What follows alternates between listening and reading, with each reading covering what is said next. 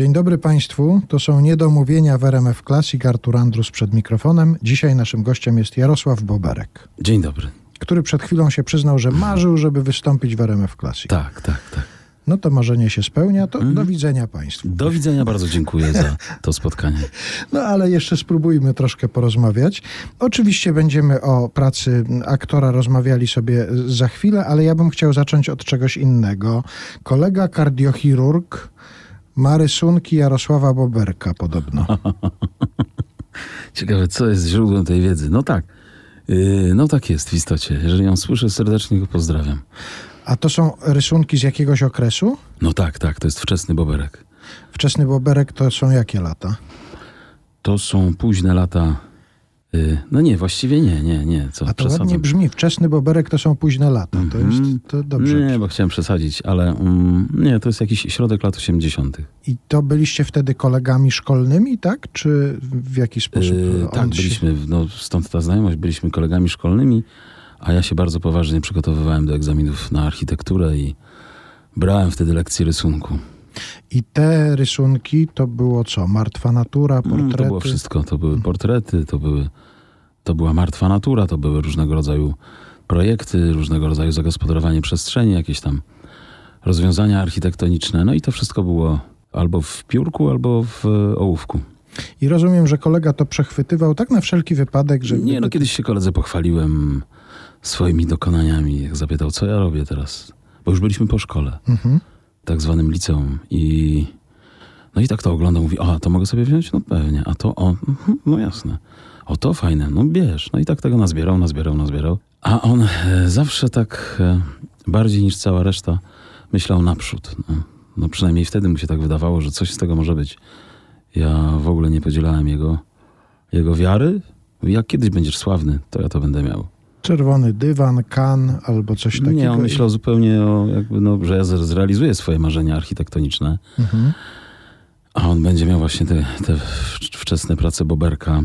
Nie wiem, może je sprzeda, może nie wiem, jakie miał wobec tego, e, wobec tych moich Basgrove plany, ale no ma je do dzisiaj. Wczesny Boberek to może być późny Malczewski na przykład. To też może tak. tak być. Może się Mhm. okazać, że cenowo to jest porównywalne tak naprawdę. Oj, nie, jakby nie, nie, nie spuszczałbym aż tak bardzo tej naszej wyobraźni z łańcucha. A co się stało, że Jarosław Boberek jednak zrezygnował z tych marzeń o architekturze? No, bo wczesny Boberek nie dostał się na architekturę mm, z pierwszego podejścia, a potem jak się okazało już nigdy w ogóle tego swojego marzenia o architekturze nie próbował spełnić, ale wtedy jeszcze jak to się pierwszym razem nie udało, no to postanowiłem nie marnować czasu i zdałem do policjalnego studium budowlanego i wybrałem profil instalacje sanitarne, no żeby mieć jakiekolwiek pojęcie o tych wszystkich bebechach, które też w, domach, budynkach, różnych zagospodarowanych przestrzeniach występują. No, no i tam był teatrzyk. No i tu już jak łatwo się domyślić. Teatrzyk e, zdecydował, że jednak teatrzyk inna droga. poniekąd zdecydował, bo ktoś mnie gdzieś tam w działalności tego teatrzyku zobaczył i zaczął bardzo mocno namawiać na egzaminy. Dał mi tydzień e, na podjęcie decyzji, jeszcze mniej, bo za tydzień się rozpoczynały egzaminy. No i tak, no i dałem się namówić, żeby sobie potem nie wyrzucać, broń Boże, że była szansa, nie spróbowałem. No to spróbowałem i jestem tu, gdzie jestem. Ale to jest też taki przyczynek do rozmowy, szerszej rozmowy na ten temat. Jakie to były czasy, że w szkołach budowlanych były teatrzyki? Po pierwsze, nie wiem, czy teraz jest dużo szkół budowlanych, bo zdaje się, że to zawodowe szkolnictwo Tak, gdzieś tak, poszło całe to te, techniczne szkolnictwo upadło, ale nie mam pojęcia, czy ta szkoła się ostała, czy nie. Bo tam była zawodówka, technikum, no i to policjalne. I proszę, i te no, prawdziwe chłopy, które nie bały się fachu budowlanego, Mhm. równocześnie te chłopy się też nie bały, żeby wystąpić w teatrze. Mm, to może nie do końca tak było, bo e, e, to miejsce przytulało również ludzi niezwiązanych z bu- tak zwaną budowlanką. Mhm. Byli tam różni ludzie z całego miasta, ale lokum było właśnie tam. Tam budowlanka użyczyła tego miejsca. No i tam właśnie pod sk- skrzydłami tej budowlanki funkcjonował teatr Stajnia Pegaza. No i tak, no i każdy mógł spełnić swoje marzenia o występach na scenie. A coś z tej fachowej wiedzy z instalacji sanitarnych zostało w No pamięci jasne. do dzisiaj, tak? Ja kiedyś na hydraulików trafiłem przypadkowo zupełnie w węźle ciepłowniczym. Już, już byłem wtedy studentem szkoły teatralnej. I oni próbowali rozwiązać jakiś bardzo, ich zdaniem, trudny do rozwiązania problem, a ja im powiedziałem, jak to zrobić. I mówię, tutaj wystarczy zrobić obejście, tu mówką się dostaniecie w to miejsce, a z tego miejsca to już bardzo prosto. O, dobrze wygląda. A skąd ty wiesz? Mówię, to tak, tak mi się pomyślało. To każdy student szkoły No teatralnej to wie. Mamy z tego zajęcia. z mówki i z obejścia. To przejdźmy już do tej innej sfery e, zawodowego zajęcia, czyli do aktorstwa. Szkoła teatralna we Wrocławiu to nie było tak w tamtych czasach, bo to była końcówka lat 80., prawda?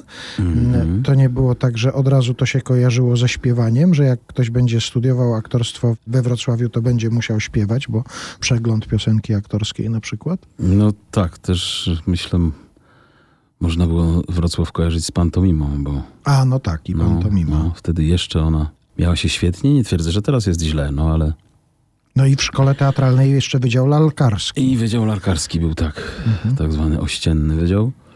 Yy, miałem przyjemność mieć, a propos pantomimy, zajęcia z profesorem Jerzym Kozłowskim, który był swego czasu gwiazdą pantomimy Tamaszewskiego. Więc mieliśmy pantomimę na najwyższym poziomie. W ogóle te wszystkie zajęcia ruchowe we Wrocławiu były bardzo, no na takim poczesnym miejscu. Dużo tego było.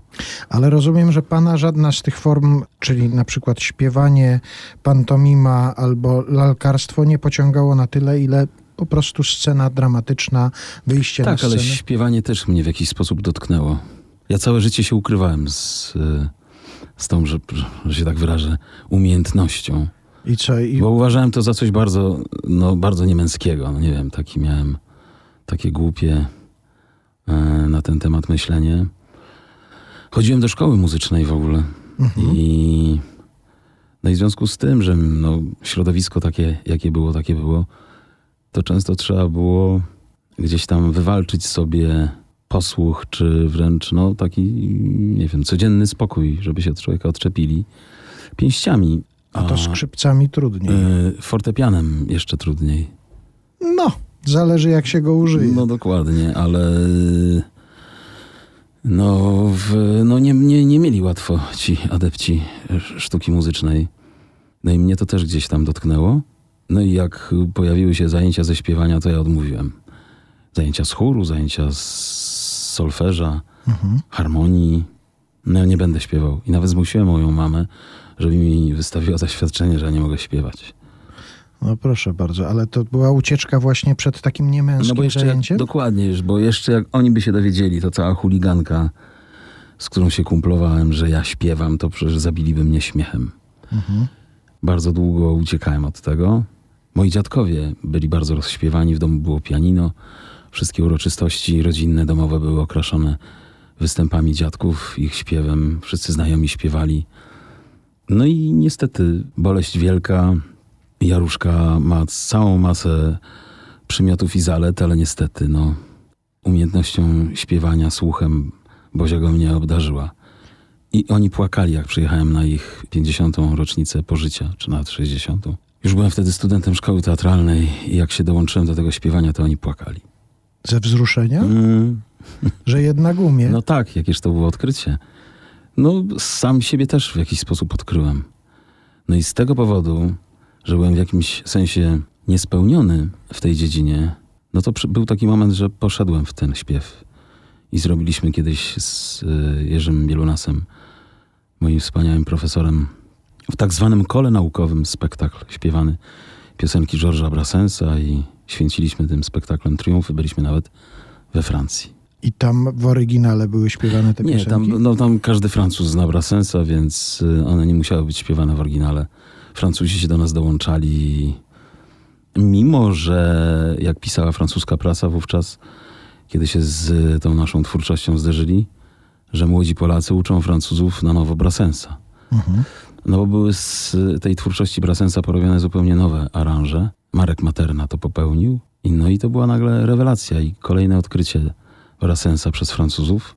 No i, i było fajnie. No to była super przygoda jeszcze w tej, na tej końcówce mrocznych czasów. Wyjazd do Francji. Taki szacun tych Francuzów. Wspaniała przygoda.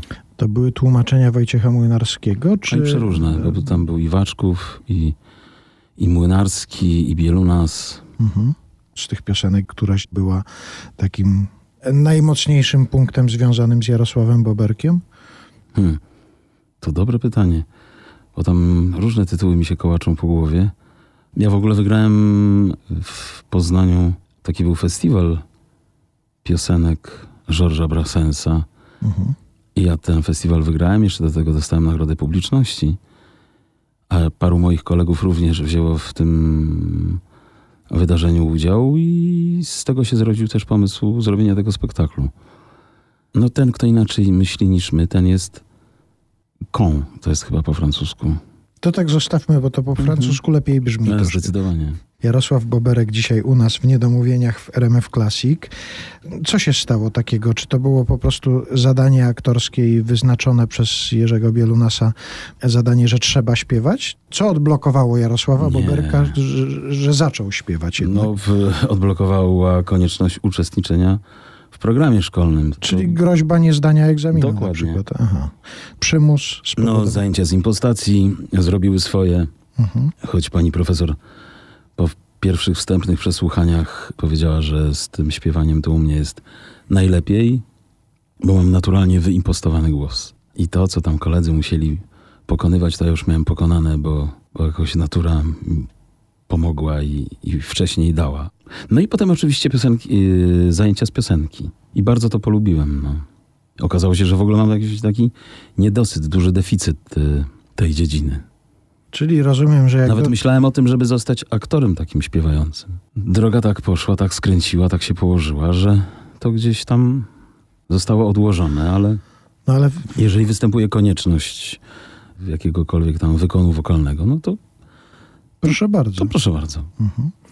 No, ja myślę, że jest spora część takich słuchaczy, widzów, którzy Jarosława Boberka kojarzą ze śpiewaniem, bo chociażby jak usłyszeli piosenkę Wyginam śmiało ciało, to wiedzą, że człowiek potrafi śpiewać, bo to przebój właściwie. No. No tak, tak, to była taka historia, taka kariera piosenki jak, jak piosenki Mydełko Fa. No, A zdarzyły się po tym, jak król Julian zaśpiewał Wyginam śmiało ciało, zdarzyły się potem jakieś absurdalne propozycje występu na jakimś festiwalu? Cały czas. tak? To w ogóle, no to było, zostałem zalany takimi propozycjami.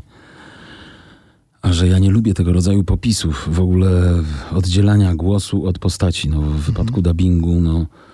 Ja że rozumiem, że nie wiem, ktoś zobaczył Boberka na scenie i potem mu dalej to jakby kontynuację tego proponował gdzieś tam, żeby tego użyć i ten, no ale ja nie widzę tu możliwości na rozdzielenie głosu z postacią, bo to jest całość. Mhm. I często na jakichś tam spotkaniach z, z widzami, a przede wszystkim z młodymi widzami, no jestem proszony o jakieś próbki. I ja na ogół odmawiam, no ale często serce krwawi, takie maluchy bardzo, bardzo proszą. No to czynię to odstępstwo, jednocześnie mówiąc im, że postać to nie jest tylko głos. I ja go trochę tak okradam, no bo nie wiem, co by sobie pomyślał Julian, wiedząc o tym, że Boberek chodzi po świecie i się chwali jego głosem. No więcej, że Papkina obdarzył jego głosem. No też tak było, tak. No, no ale to była determinacja.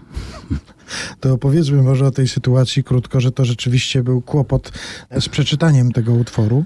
Yy, no to znaczy kłopot polegał na tym, że znaczy od początku to było tak, że była taka akcja cała Polska czyta Fredrę.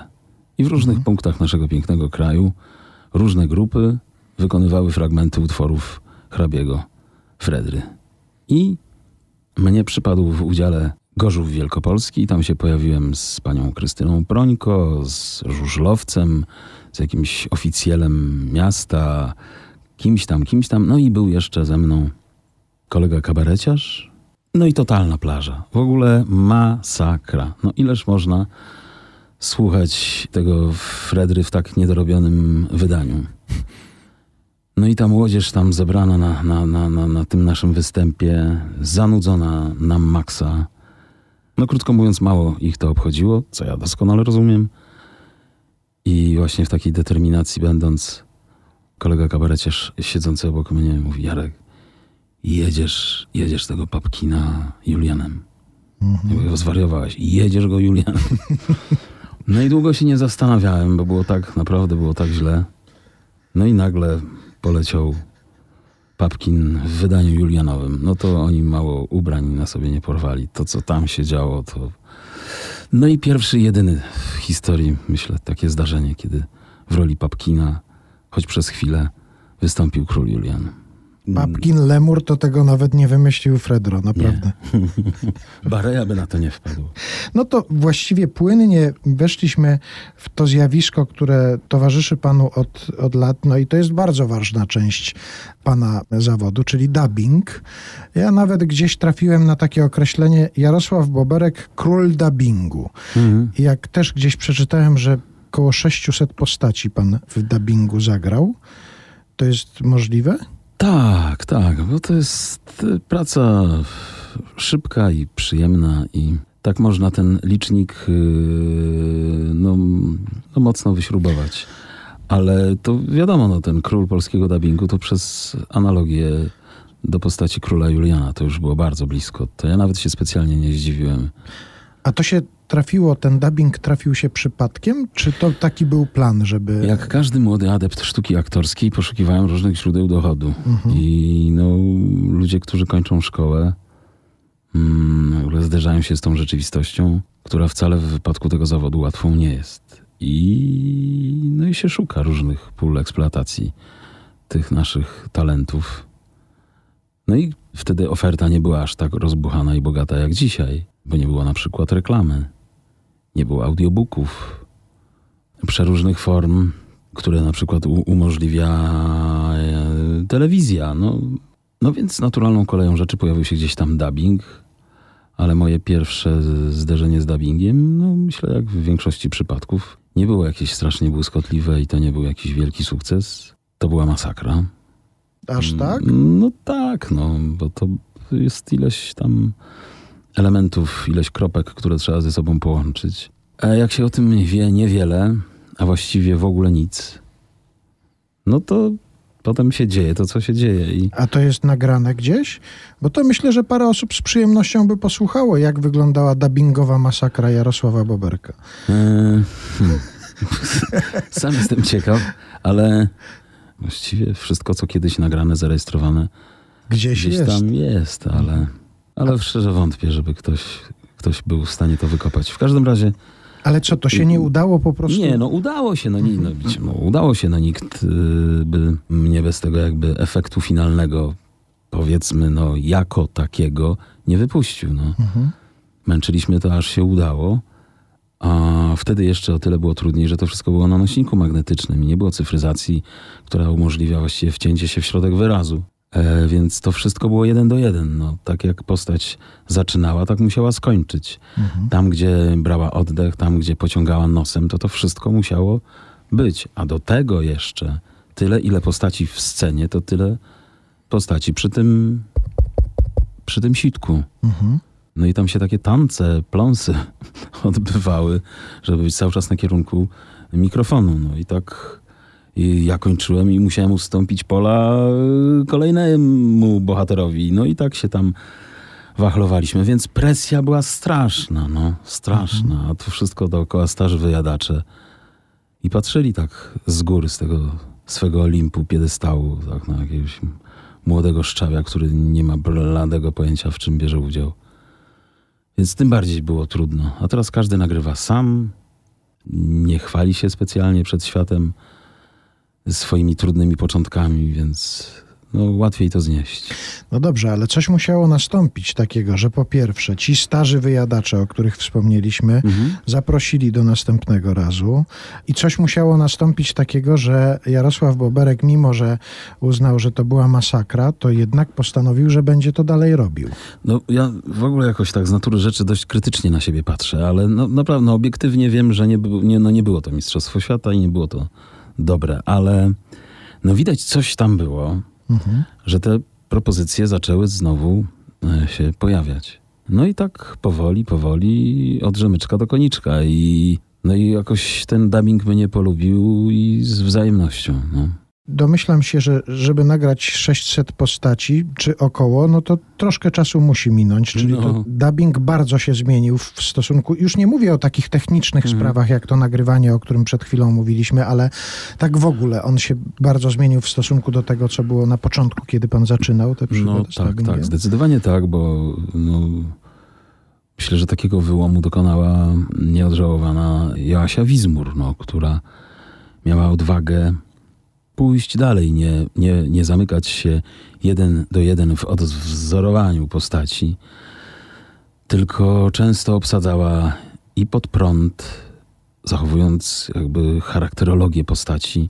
No i co z tego, że tej postaci się trochę zmienił głos? Oczywiście to nie była aż taka stuprocentowa samowalka, no bo za tym stały gdzieś tam decyzje podejmowane wyżej, no albo dalej, żeby nie, nie powiedzieć za oceanem.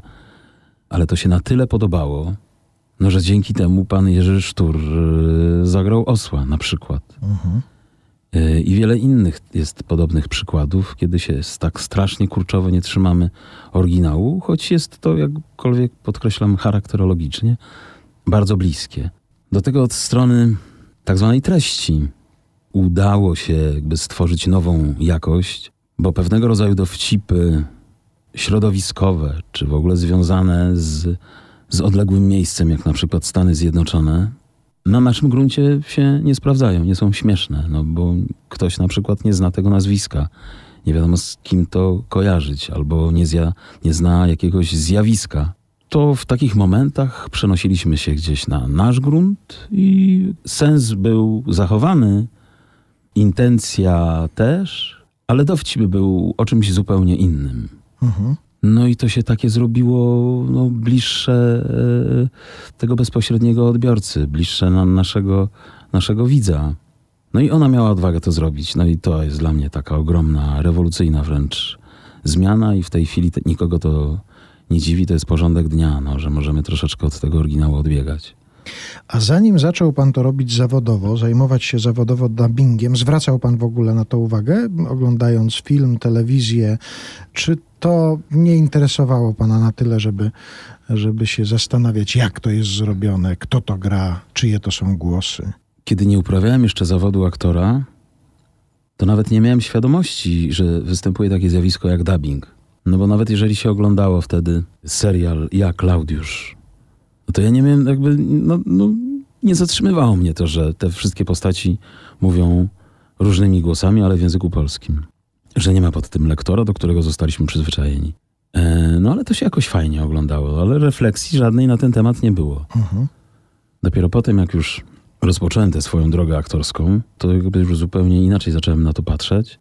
Natomiast pamiętam takie zdarzenie, że e, jak obejrzałem, no jakby oswoiłem się z tą materią e, tego serialu, że ona występuje w naszym rodzimym języku i trafiłem na oryginał, to nie mogłem tego w ogóle y, przyswoić. To w ogóle ten oryginał kłuł mnie, mierził. No, nie podobało mi się to. No i potem przyszła refleksja, że to kurczę, ten taki proces, który tutaj zaszedł, co to się dubbing zdaje się nazywa, to oni to genialnie zrobili, skoro coś takiego zaszło, że, że ja nie, nie, nie kupuję oryginału. No i faktycznie, no po latach wiem, że to było Mistrzostwo Świata, że oni tam naprawdę zrobili to rewelacyjnie. No i to siłą rzeczy, no jeżeli się czymś zajmujemy, no to się temu zaczynamy przyglądać z różnych stron. Ale wcześniej ten dubbing mnie mało obchodził. Ja kiedy zastanawiałem się troszkę nad tym zjawiskiem, też go nigdy nie śledziłem jakoś uważnie, no bo jako widz po prostu siadałem i coś Mhm, miałem podane mhm. i tylko albo bardziej to na mnie działało, albo mniej, ale uświadomiłem sobie, że od lat słysząc właśnie jakąś obcą produkcję, ale w polskiej wersji językowej, gdzieś tam utkwiło mi nazwisko Zofia Dybowska-Aleksandrowicz. No tak. I nagle gdzieś potem człowiek zagląda, kto to był, co takiego robił, i tu się okazuje, że to jest cała historia No, polskiej, polskiej jest- szkoły dubbingu. To jest polska szkoła dubbingu. Najwybitniejsi aktorzy, którzy tych głosów użyczali, a myśmy nawet może nie zdawali sobie sprawy z tego, co oni z tym zrobili, jakie to jest dzięki ich głosom tylko. No, dokładnie. Jaki to jest w ogóle mozolny, trudny proces. No, ja w związku z tym, że mam tyle lat, ile mam, mogłem się jeszcze z tą starą technologią zderzyć. No to oni naprawdę, jeżeli sobie człowiek uświadomi, jak się uzyskuje ten efekt ostateczny, jakim nakładem pracy, no to to jest wow. Troszkę się rozgadaliśmy na temat dubbingu, ale to Mhm. zdaje się nadal ważna część pana zawodu. Nie, nie zamierza pan w żaden sposób skracać swojego dystansu do. Nie, nie. No, ja lubię ten zawód właśnie przez to, że mogę go uprawiać na tylu różnych polach. I to jest takie kolorowe jak duże pudło klocków Lego. Ale tego, jeżeli chodzi o dubbing, to w czasach, kiedy pan studiował, jeszcze nie uczono w szkole teatralnej, czy były nie, jakieś nie, zajęcia? nie, nie, a skąd? W Mhm. ogóle takie zjawisko nie występowało. Tym bardziej trudno mówić, żeby był taki przedmiot. Do tej pory to są tylko jakieś takie warsztatowe zajęcia. No, całe szczęście, że są. No to ci młodzi ludzie nie przychodzą już tacy e, golutcy do, do tej swojej pierwszej pracy dubbingowej.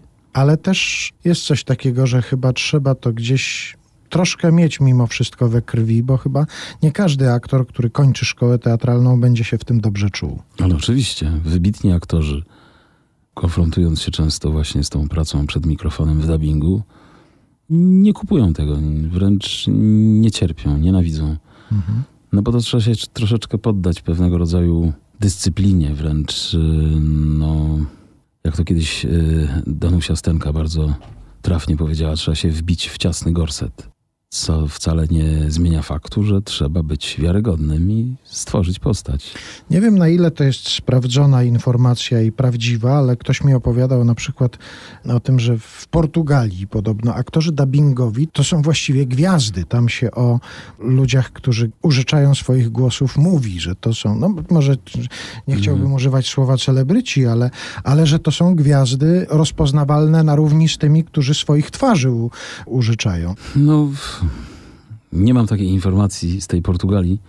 Będąc kiedyś w Hiszpanii, koleżanka mnie przedstawiła tubylcowi, że to jest polski król Julian. I gościu zwariował. I nie wiem, czy chodziło mu o to, że, ta, że jest jakimś fanem dubbingu, czy po prostu jest fanem króla Juliana. No, jakkolwiek ściskał mnie i nawet postawił mi wino. A poznał pan innych królów No Julianów? właśnie nie miałem, nie miałem sposobności, nie, nie, nie. A jak gdyby takie zorganizować światowy zlot królów Julianów, to już nawet trudno wypowiedzieć, ale, ale to by było przeżycie i takich Mhm. No, na wszystkich pewno. usłyszeć naraz. tak? Na pewno, na pewno. Albo kaczorów Donaldów. No u nas trzeba to powiedzieć, że ta tradycja dubbingu tak naprawdę jest y, no, dość krótka w porównaniu z tym, co się dzieje, nie wiem, we Włoszech, we Francji, na Węgrzech, y, w Niemczech. Tam nikogo to nie dziwi, że Robert De Niro mówi w ich y, języku ojczystym. Oni nawet nie wiedzą niejednokrotnie, jakim głosem tak naprawdę mówi dany aktor. I tam są już zawodowi podkładacze głosu. Całe życie podkładał Roberta De Niro albo tam Al Pacino i, Mhm. i tak dalej. Przedziwny dubbing, dubbingo szeptankę robią Rosjanie, bo dziewczynka robi wszystkie dziewczynki, a chłopiec robi wszystkich chłopców. I mało tego, że użyczają swego głosu każdej postaci, ale oni jeszcze to grają. I to jest trochę trudne do zniesienia, bo aktorzy na ekranie grają, no i tych dwoje, ten co odpowiada za część męską i, i ta, co odpowiada za część żeńską, też tam się wyżywają aktorsko. No a u nas no, jest właśnie wieloletnia tradycja szeptanki, czyli konfrontujemy się z filmem zagranicznym, który jest czytany przez lektora. I dobry lektor po prostu przestaje być słyszalny, w cudzysłowie. Nagle w ogóle nie, nie słyszymy tego głosu. On jest, ale już gdzieś w naszej głowie gada. A z kolei za granicą oni tego nie rozumieją. Ale jak to? I oglądasz film i na tej ścieżce dźwiękowej, oryginalnej jakiś facet coś gada? Jak to można oglądać? No można, no. No ale porównując efekty naszego dzisiejszego e, dubbingu z efektami, które się uzyskuje w innych krajach na świecie, to wypadamy całkiem różowo. Zupełnie nieźle. Przejdźmy jeszcze do innych, Jakieś innej dziedziny. jakiejś innej dziedziny. Super. Proszę bardzo, ale to znaczy też związanej oczywiście, chyba, że możemy porozmawiać o narciarstwie, o paralotniarstwie, spadochroniarstwie. Ależ proszę bardzo. To bardzo proszę, jakie ma pan doświadczenia, jeżeli chodzi o paralotniarstwo czy Nie, z spadochroniarstwo? paralot- paralotniarstwem nie mam żadnych doświadczeń, ale y, ze spadochroniarstwem jak najbardziej. O, a to jakie No, akurat? się skoczyło się parę razy, tak. Ale to tak po prostu dla przyjemności. Tak, tak, tak. Dla przyjemności i dla tego doświadczenia, no. Mhm. Spełnienia w pewien sposób e, spełnienia marzenia człowieka o lataniu. Raczej o spadaniu. No tak, ale jakkolwiek przez pewien moment się leci. No, to prawda, tak. Bo tak. odczuwanie spadania dopiero jest w tej ostatniej fazie skoku. Mhm. Ale wyżej, tam wyżej, to no to się tak leci, leci. Tak, tak momentami się nawet mm, można sobie wy- wyobrazić, że, że może być nudno, no. Ale Nie wyobrażam sobie, że może być nudno, jak się wyskoczyło z samolotu. no tak, ale nie, no wszystko jest bezpieczne, naprawdę. Mhm. No i jest super. To jest tego rodzaju doświadczenie, które bardzo trudno opisać, no bo znaczy, można o tym gadać z kimś, kto już ma za sobą takie doświadczenie. Nie, z kimś, kto nie ma też. Bardzo chętnie. Proszę E, ze mną tak, gadać ale to na ten jakby, temat. no, nie, trudno znaleźć słowa, które Aha. oddadzą wrażenie, y, doznania, jakie tam mają miejsce. No. Ale to chciał pan dlatego, że jest w panu taka żyłka. Ja mam w ogóle tak, ja mam naturę empiryczną i, i bardzo lubię otwierać nieotwarte drzwi. Kiedy to się pierwszy raz zdarzyło? To już dawno był ten pierwszy skok? Uuu, no dosyć dawno, chyba z, z 18 lat temu. To rozumiem, że z instruktorem razem. Tak, tak, tak, tak, tak. I wszystkie dotychczasowe były z instruktorem? Wszystkie, ja nie pokonałem jeszcze tej, tej przestrzeni do samodzielnych skoków, choć namawiano mnie wielokrotnie. No ale to znowu, trzeba mieć czas, moment, no i, no i rozwijać to, no. A ja w tym różne rzeczy posiadam, ale z tym czasem to jest u mnie najgorzej. Aż się boję zadać to pytanie, bo mi się od razu przypomina, że jeden z moich kolegów występujących na scenie uznał za najbardziej kretyńskie pytanie dziennikarskie, co pan czuje, jak pan śpiewa. Ale ja muszę zadać, a co pan czuje, jak pan leci? Takie niewypowiedziane uczucie wolności. Tak, takie. No trudno o tym mówić. No, To jest coś cudownego, bo to bo, no, wiatr we włosach, przestrzeń, ale jednocześnie ta adrenalina miesza się z zachwytem. I, ale oczywiście każdy to inaczej odbiera. No, są przykłady, widziałem moich wspaniałych kolegów. Zupełnie niedawno braliśmy udział w takiej akcji promującej taki program e, Jump for the Planet i, i, no i różnych, y, różnych znanych, wspaniałych moich kolegów i koleżanki namówiliśmy na taki skok. No to każdy inaczej to przeżył. Kolega wrócił z festiwalu filmowego i był bardzo zdołowany. Miał takiego, takiego kloca w głowie, bardzo mu było źle na świecie. A po tym skoku, jak szedł po tej zielonej płycie lotniska, mówi, no kurde, no nareszcie, no głowę mam wolną. Mówię, przedmuchało, ale jak przedmuchało? To było cudowne.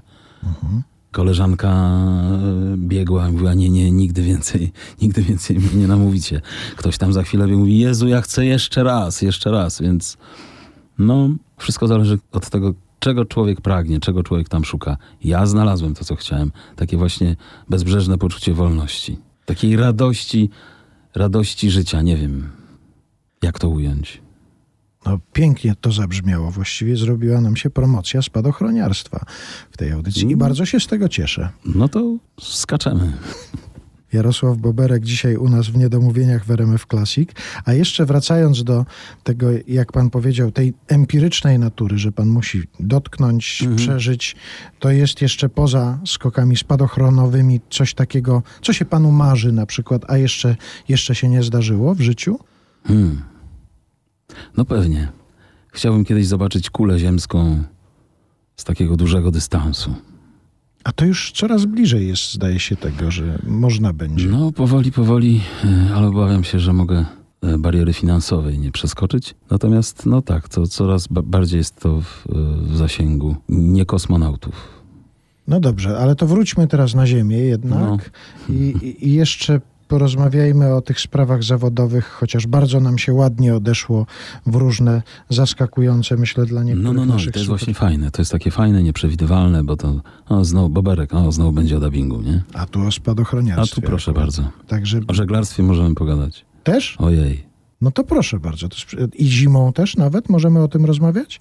No zimą jak najbardziej są takie kraje, gdzie Da się pływać. no, da się pływać, nawet zimą da się pływać, nawet są rejsy w okolice koła podbiegunowego i no i też no, zimno, trzeba się dobrze ubrać. Ale ma pan za sobą jakieś takie dalekie, dalekie wyprawy Nie, żeglarskie? takich jeszcze nie mam, ale no, ale, ale, ale byłem o krok od Morza Północnego y, właśnie o takiej porze roku. Potem jak mi o tym opowiadano, to nie żałowałem, że się nie udało, no bo to już jest bardzo ekstremalne Mhm. pływanie. Ale w, tak, w, no, w takich warunkach letnich, no to nie ma, myślę, wspanialszej formy zwiedzania świata. No chyba, że z góry gdzieś tam się No leci. chyba, że się nadleci, tak. Mhm, mhm. A to się wzięło akurat żeglarstwo to jeszcze z czasów, kiedy ja wiem, że jak ja teraz powiem, że Szczecinek na Paradoks, właśnie. Mieszkałem nad właśnie. jeziorem. Mhm. Zdarzyło mi się tam parę razy y, jakąś omegą popłynąć, ale nigdy się z tego żadna pasja nie, nie wytworzyła. Mhm. I dopiero musiałem wyjechać z tego Szczecinka. No i tak się potoczyły losy, że, że nagle zacząłem gdzie, zupełnie gdzie indziej te żagle stawiać. I jeszcze, żeby było ciekawiej, nie miało to żadnego związku z jeziorami, bo ja to lubię tak na pełne morze wypłynąć.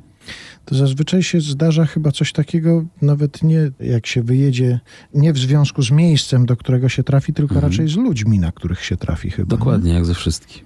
Miejsce budują ludzie i jak się dotrze do jakiegoś takiego miejsca, gdzie są fantastyczni ludzie, to potem się fantastyczne rzeczy dzieją.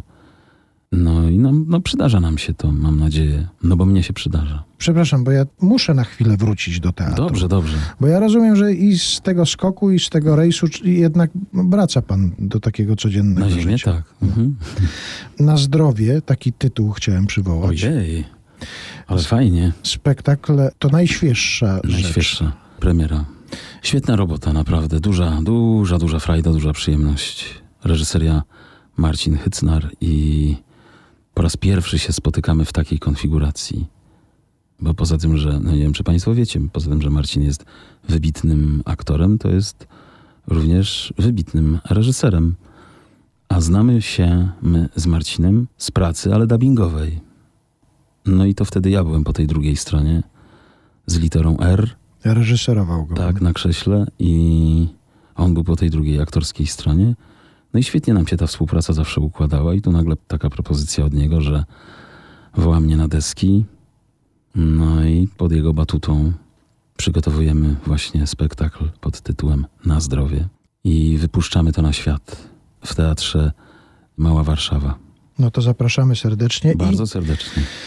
I, e, no i potem refleksjami może się podzielimy przy najbliższej okazji, Z ja, przyjemnością. ja coś czuję, że jeszcze jest parę tematów do omówienia, bo żeglarstwo i spadochroniarstwo, coś mi wygląda na to, że to nie zamyka możliwości naszej, naszej rozmowy. A jeszcze wracając do takich rzeczy, które nam się pojawiły tutaj w tej rozmowie, zdarza się panu usiąść do fortepianu i pograć?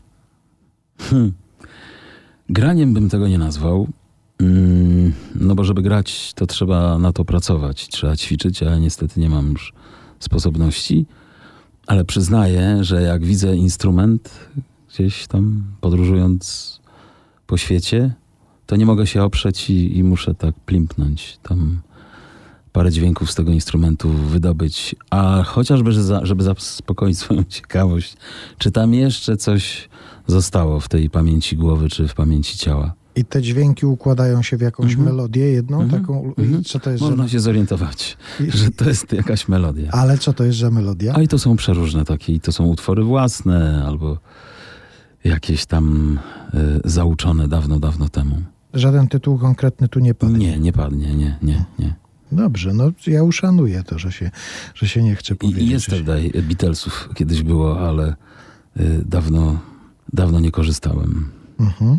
A piórko albo ołówek się bierze czasem do ręki i coś się No rysuje? tak, ja mam e, dzieci, które mam w, w, różnym wieku te dzieci i właściwie cały czas y, doświadczam tego ojcostwa y, i ten proces, jakim są różnego rodzaju gry i zabawy z dziećmi, cały czas trwa. No i tam też jest właśnie, też kółko plastyczne też funkcjonuje. Mhm. I nawet ostatnio Mikołaj przyniósł mojemu najmłodszemu synowi sztalugę, farby, pędzle. W domu sztalugi nie było, pędzle i farby tak, ale teraz to, no, to wygląda bardzo zawodowo. E, No i więc uczestniczę również w tych jego e, malarskich zabawach. Jakaś kopia bitwy pod Grunwaldem. A, no to bitwy pod Grunwaldem to cały czas malujemy.